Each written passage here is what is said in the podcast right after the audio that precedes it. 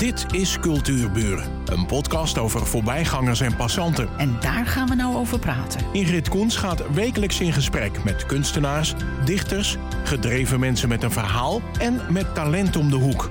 Vandaag gaat ze in gesprek met Gerard Borst, een man met een verhaal. En ik ga helemaal bij het begin beginnen, Gerard. Goeie, goeiedag. Toen je klein was, wat wilde je graag worden? Ehm, voor, mij, voor, mij was het al heel snel bekend wat ik wilde worden. Ik was eh, klein, nu zeg je dat heel goed. Maar ehm, ik woonde vroeger aan de Middenweg. En ik woonde tegenover Marlene. In Herengewaard? In Herengewaard, daar ben ik ook geboren. En het aannemersbedrijf van mijn vaders vader, dat was een paar huizen verderop. Mijn vader heeft daar heel lang uh, gewerkt in het bedrijf. En later is hij dan een paar huizen verderop gaan wonen aan de Middenweg. En uh, die aannemersborst, die bouwde veel. En ik weet nog heel goed dat ik een klein jongetje was. En toen waren ze aan de overkant, hadden wij een melkboer. En dat was van de familie Rood. Dat was naast Marlene. En daar werd uh, verbouwd. En uh, voordat ik dan, nou, ik denk naar de kleuterschool ging, denk ik zoiets of zo. Misschien zat ik al in de eerste klas. Liep ik dan altijd even naar de overkant, want mijn neven die stonden daar op de steiger. En dan klom ik daarop en dat vonden ze hartstikke leuk, want is een klein jochje natuurlijk en hielpen ze me wel een beetje zo. Maar ik vond dat prachtig dat ze daar aan het werk waren. En ze waren aan het metselen. En, uh, maar ze hadden ook een radio, ze op de steiger. En uh, ik was toen al meteen heel erg ehm, gefascineerd door de muziek. En ik zag ook hoeveel plezier die, uh, die bouwvakkers daarbij hadden. Met hun werk, die muziek delen zo. En dat, ja, dat kwam bij mij echt wel goed binnen. In die zin dat ik dacht, kijk, dat, ik wil eigenlijk ook wel muziek maken. Zo klein al? Zo klein al. Oh, wat leuk. Ja. Uh, weet je nog welke nummers toen in waren? Want ik denk dat het was... Flowers, Flowers in the Rain van The Move was. Ik weet het niet helemaal zeker. Is dat één nummer? Maar... Ja, en uh, nou, dat nummer dat staat me gewoon heel erg bij, dat ik me die kan herinneren. Oh, wat ja. grappig dat ja. dat ene nummer ja. was. Nou, ik had een vraag voorbereid van hoe ben je in het vak gerold, maar dat is eigenlijk dus ligt het voor de hand. Jij hebt toen besloten van ik wil muziek maken. Maar het is makkelijker gezegd dan gedaan, zeker als je natuurlijk opgroeit in de bouwwereld. Dat is een hele andere kant. Zeker. Dus hoe is dat verder gegaan met jou? Uh, nou, wat ik net al zei, uh, die, die, wij hadden heel veel uh, aannemerij om ons heen. Dus als we dan thuis waren en mijn vader die nam dan uh, zijn broers mee of, uh, of, een, of zijn neven en die gingen koffie drinken, dan was natuurlijk heel veel werd er over de bouw gepraat. En ik groeide op en ik had een um, elektrodoos en daar maakte ik van die, uh, van die met een belletje en een batterij en een oh, lichtje ja, ja. en schakelaartjes. en, dus daar was ik heel veel mee aan het prutsen. Dus dan zeiden die neven, die grote jongens waren dat, die waren rond de twintig of zoiets. Hè. Die zeiden dan, ah, oh, we zien het al, Gerard wordt elektricien. Dus eigenlijk was het eitje toen al gelegd, hè. Maar ja, ja. ik weet wel dat ik, dat ik ouder werd. Zeide ik ook, want mijn moeder deed vroeger heel veel aan toneel. En um, toen zei ik ook tegen mijn moeder, ik zou ook wel naar de toneelschool willen. Ah, zeiden die, uh, die mannen, die zeiden, ah, de toneelschool, dat is niks voor jou, jij moet elektricien worden. Maar ik worstelde daar wel mee, met dat idee, want ik werd min of meer toch wel een beetje een richting opgedrongen. En uh, ik zat op voetbal in die tijd. En uh, ik weet nog heel goed dat we, dat we trainden gewoon één dag in de week. En dat uh, onze training die werd gedaan door Cor Brink, die woonde ook aan de Middenweg. En uh, ik was toen op een gegeven moment een jaar of elf. En ik ging toen die tijd ging ik heel veel naar uh, de Oostdijk, want daar woonde een oom van mijn moeder. En mijn uh, neef die speelde in een band en dat heette Eastwood Agas. En Eastwood Agas die repeteerde daar. Wat een rare naam. Ja, Eastwood Agas. Ja, dit is. Betekende dat iets? Of waren dat de voorletters van de spelers? Uh, wat het precies betekent, ik heb het ooit wel eens opgezocht. Ja. Kan ik nou even niet opkomen. Maar in ieder geval, dat was in die het tijd. Het is een bestaand woord.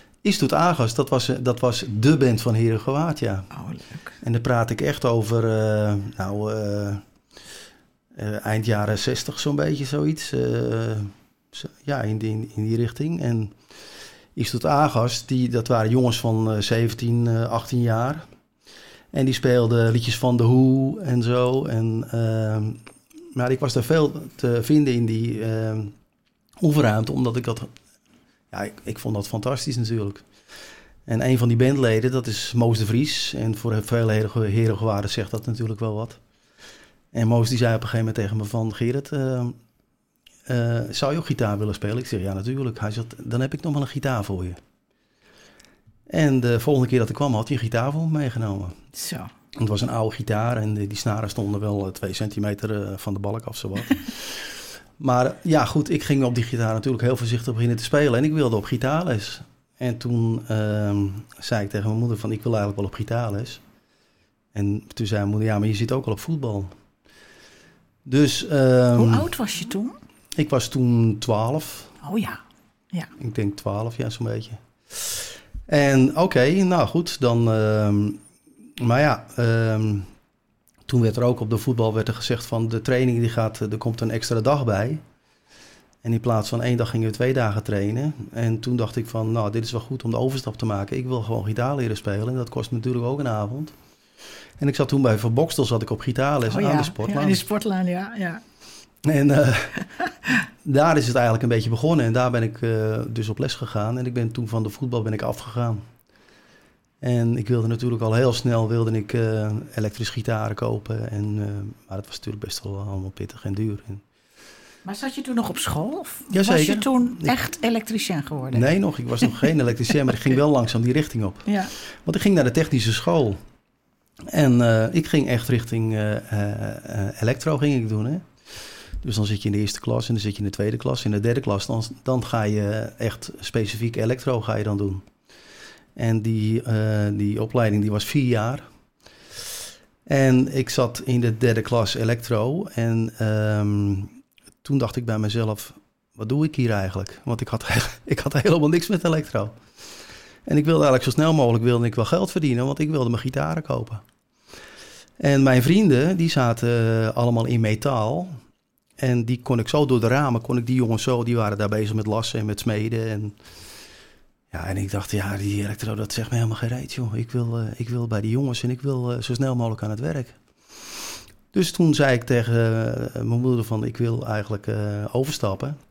Toen zei mijn vader ook, Gerard, je moet doen wat je, wat je wil.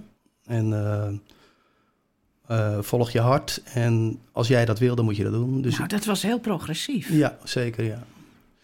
En uh, dus ik stapte over naar metaal. En ik heb dat jaar afgemaakt. Ja, dan heb je je diploma. En toen was ik 14, want ik was vrij vroege leerling. En ik was 14 en ik wilde eigenlijk wel zo snel mogelijk werken. Dus ik solliciteerde bij een verwarmingsbedrijf waar ook een vriend van me werkte. Maar die zei van ja, je kan hier wel beginnen, maar je moet eerst wachten tot je 15 bent. Dus, oh. dus toen moest ik nog een paar maanden wachten, want in de vakantie werd ik 15. En toen ben ik daarna begonnen en toen ging ik eigenlijk verdienen.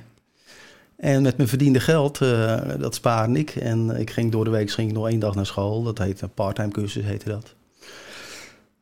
En ik kocht mijn gitaren. Oh. En uh, ja, ik kocht mijn versterkers. En uh, ja, ik, ik, vond dat natuurlijk helemaal geweldig. En langzamerhand uh, begon dat gestalte te krijgen. En ik leerde een jonge kind in Heerdegewaar, die speelde ook gitaar. En dat was Rob Constant. En die zat nog op, op de MAVO. En ehm, ik ging toen met Rob ging ik, repeteren. En we speelden toen liedjes van Armand en Dylan en Donovan en...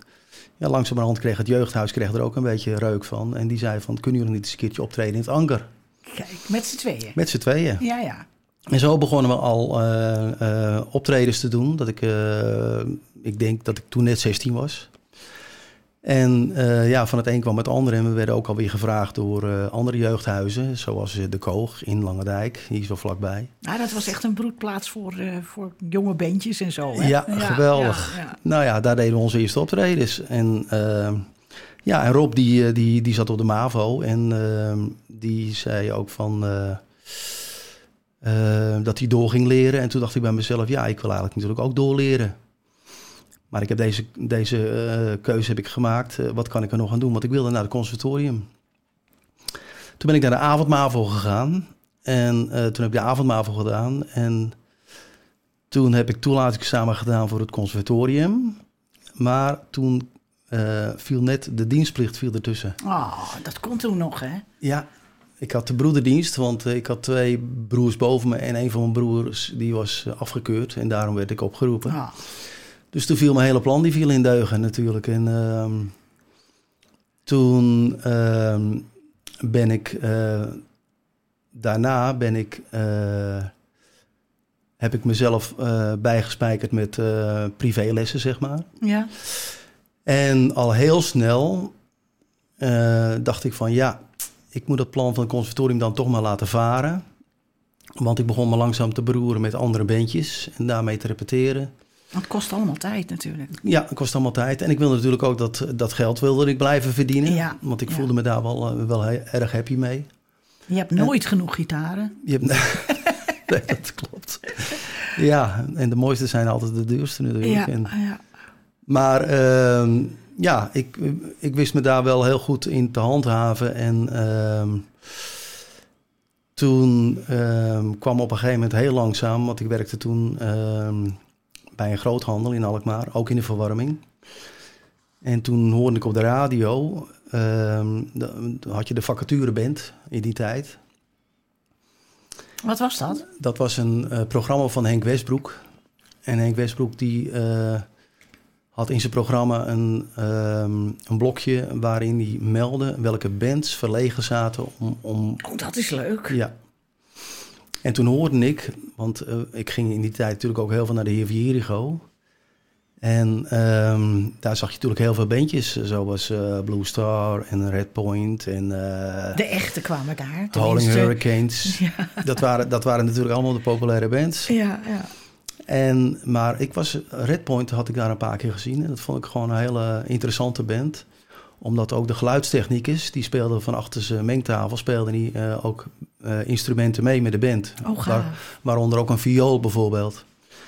En dat vond ik een hele leuke combinatie hoe ze dat deden. Maar in dat programma van Henk Westbroek werd toen een zanger gevraagd voor de ba- band Red Point. En toen stonden mijn oren natuurlijk meteen gestrekt. Hoe was dat met dat zingen eigenlijk? Want ehm, eh, je hebt natuurlijk, je, je hebt je gericht op die gitaar, maar je, moet ook gezongen hebben, want anders had je dat nooit aangedurfd. Zeker. Ik, ik, speelde, ik speelde natuurlijk al, al, al, een aantal eh, jaren met eh, Rob, die vriend van me, in de jeugdhuizen. En ik schreef al een beetje liedjes, heel voorzichtig. En eh, En daar zongen jullie ook bij. ja, ja, Oh, oké. ja, Ja, we zijn er weer. Ga door. ja. En ehm, Red Point.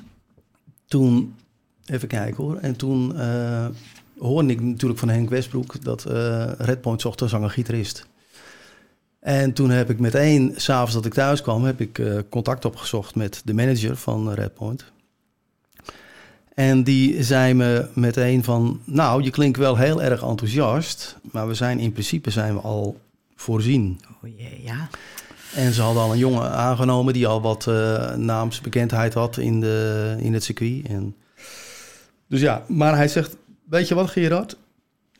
Ik ga het toch voorleggen met de band en ehm, je hoort nog van me. En de volgende dag belde hij, hij zegt, we willen toch dat je komt.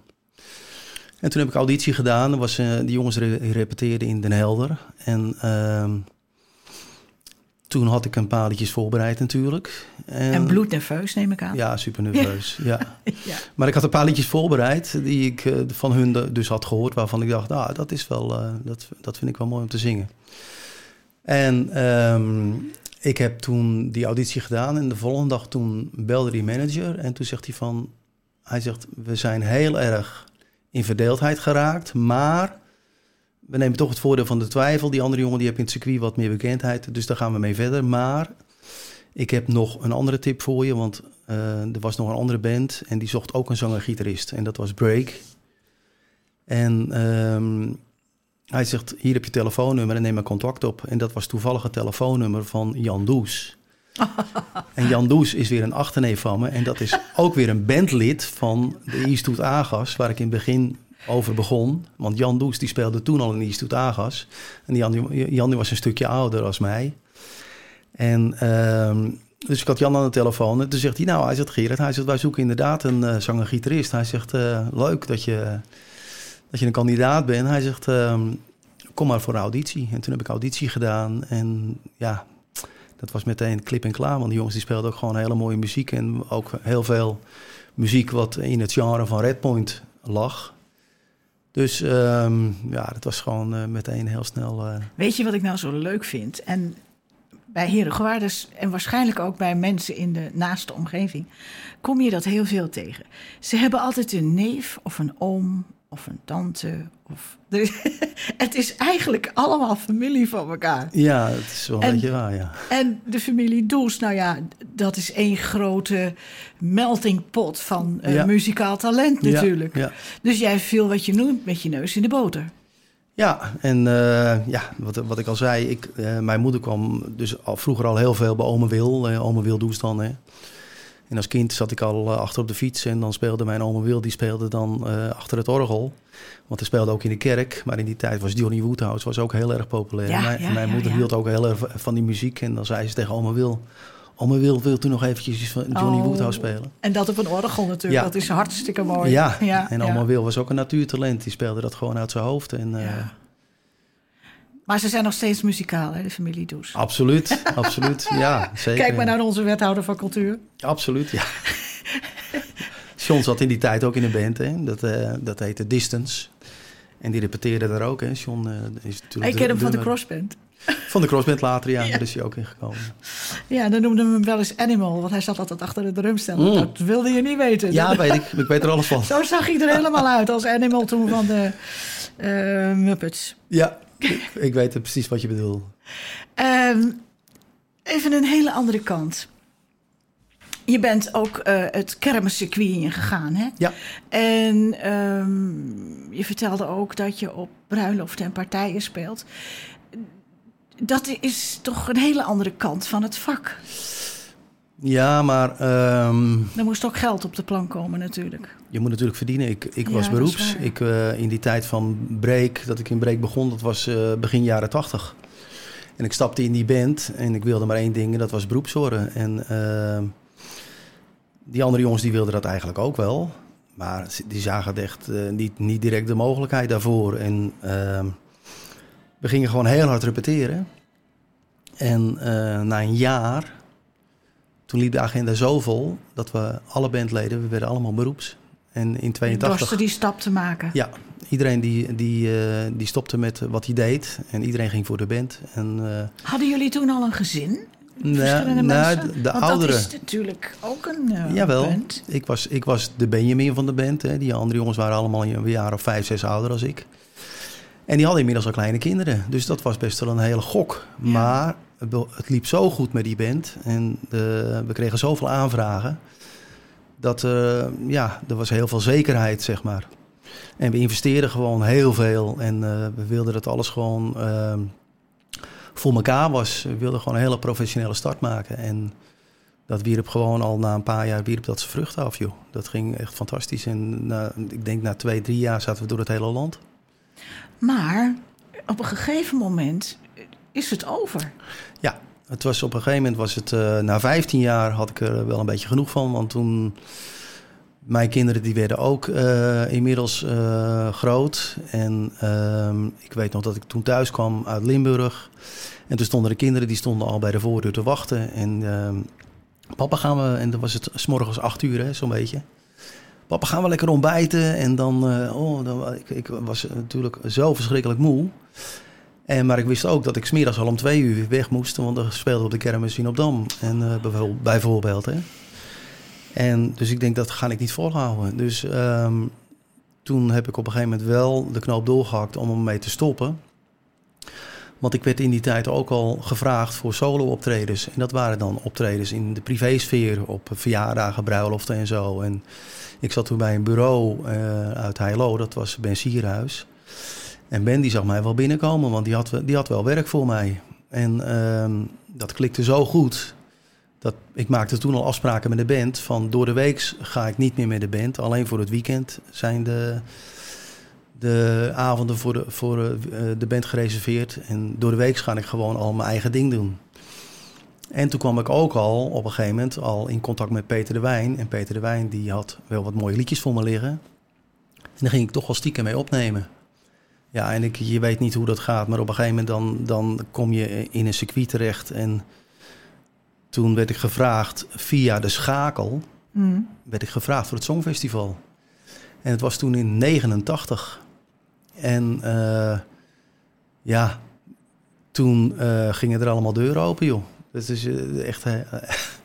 ja, daar kan ik natuurlijk nog wel uren over vertellen. Maar Daar even- heb je even- nooit aan meegedaan, of wel? Jawel, ik, in 89 heb ik meegedaan aan het Nationale Songfestival. Oh, geweldig. Ehm, nou, brengt mij dat eigenlijk op een heel ander onderwerp. Eh, als je nou bijvoorbeeld bij eh, Tata werkt of zo en je hebt eh, onregelmatige diensten, dan zegt iedereen dat is funest voor je sociale leven. Je kan niet meer op verjaardagen komen, want daar heb je geen tijd voor of je moet netwerken. En eh, je vrienden, ja, dat zijn natuurlijk de bandleden, maar buiten dat heb je natuurlijk ook vrienden. Je hebt een vrouw die ook wil dat je wel eens naar een verjaardag gaat. Tuurlijk. Hoe ging dat bij jou? Nou ja, wij, wij zijn eigenlijk, eh, de kinderen zijn eigenlijk opgevoed met het idee dat door de week hadden we alle tijd voor de kinderen. Dat is gewoon, ja, ik had het, ik had het, eh, ik had het niet anders willen doen, want door de week hadden we zoveel tijd voor de Oh, kinderen. overdag natuurlijk had je veel Ja. tijd. Ja, ja. En ja, ehm, ja, ik kon dan ook door de week overdag, als er iemand jarig was, kon ik gewoon overdag lekker om de koffie met de kinderen bijvoorbeeld. of ja, zo. ja. Dus ehm, eh, de weekenden wa- was ik gewoon altijd weg. Dat was, dat was eh, zeker. En die kinderen die zijn ook met dat idee opgevoed. Dus het was ook helemaal niet zo gek dat ik er niet was. Dat was voor iedereen normaal. En Nou ja, voor je vrouw was je er natuurlijk ook niet. Nee, maar goed, maar eh, dat, dat was wel zo. Dat ik door de week natuurlijk wel heel veel tijd voor haar had. Ja, ja. En dat, Ja, was, dat kan ik je zeggen, dat was gewoon heel luxe. Oké, ja. Ja. dat kan ik me ook wel voorstellen. Ja, Al die mannen zijn gewoon een hele dag weg. Ja, Tot zes uur, dan moeten ze nog naar huis. Ja, ja, ik zou het niet ja, anders- dat is ja, ook wel leuk. Leuk Ja. idee. Ja. Ja. Ehm, maar ja, nou heb ik nog één grote vraag. Maar de- eigenlijk is dat een inkoppertje. Want een gedreven muzikant als jij, die leeft voor zijn muziek. En dat doe je nog, hè? ja zeker, tuurlijk. Dus ik wilde vragen, dat is, het is eigenlijk een vreselijke afgezaagde vraag. Heb je hobby's? Jazeker. Ah, leuk. Vertel. Ik heb, ik heb heel veel hobby's. Ik ben nog steeds eh, heel gek van eh, bouwen en zo. Ik heb mijn huis ook helemaal zelf verbouwd. En Dat kan je ook overdag doen. kan ik ook overdag doen. Maar ik maak ook meubels, ik maak tafels, ik maak eh, stoelen. ehm, ja, alles wat je maar bedenken kan. eh, waarvan ik denk van, och, dat kan ik misschien wel maken. En dan ga ik voor zitten en dan ga ik bedenken en dan ga ik ermee aan de slag. Gerard, ik heb een hele andere kijk op jou gekregen. Nou, eh, maar je weet nog lang niet alles. Nee, daar ben ik ook bang voor. Nou, misschien kunnen we er nog eens een eh, wordt vervolgd van maken. En ehm, kunnen we dan ook wat van je muziek horen. Ja, Maar eh, ik vind het ontzettend leuk dat je hier was trouwens. nou, graag gedaan. En ehm, ik wil Kenneth Schippers bedanken voor de techniek. Dat is altijd heel belangrijk, hè? want anders zit je gewoon in de lucht te praten. En ik zou het leuk vinden als je nog een keer terugkwam, Gerard. Tuurlijk, mag altijd. Oké, dankjewel. Ik weet het nu te vinden.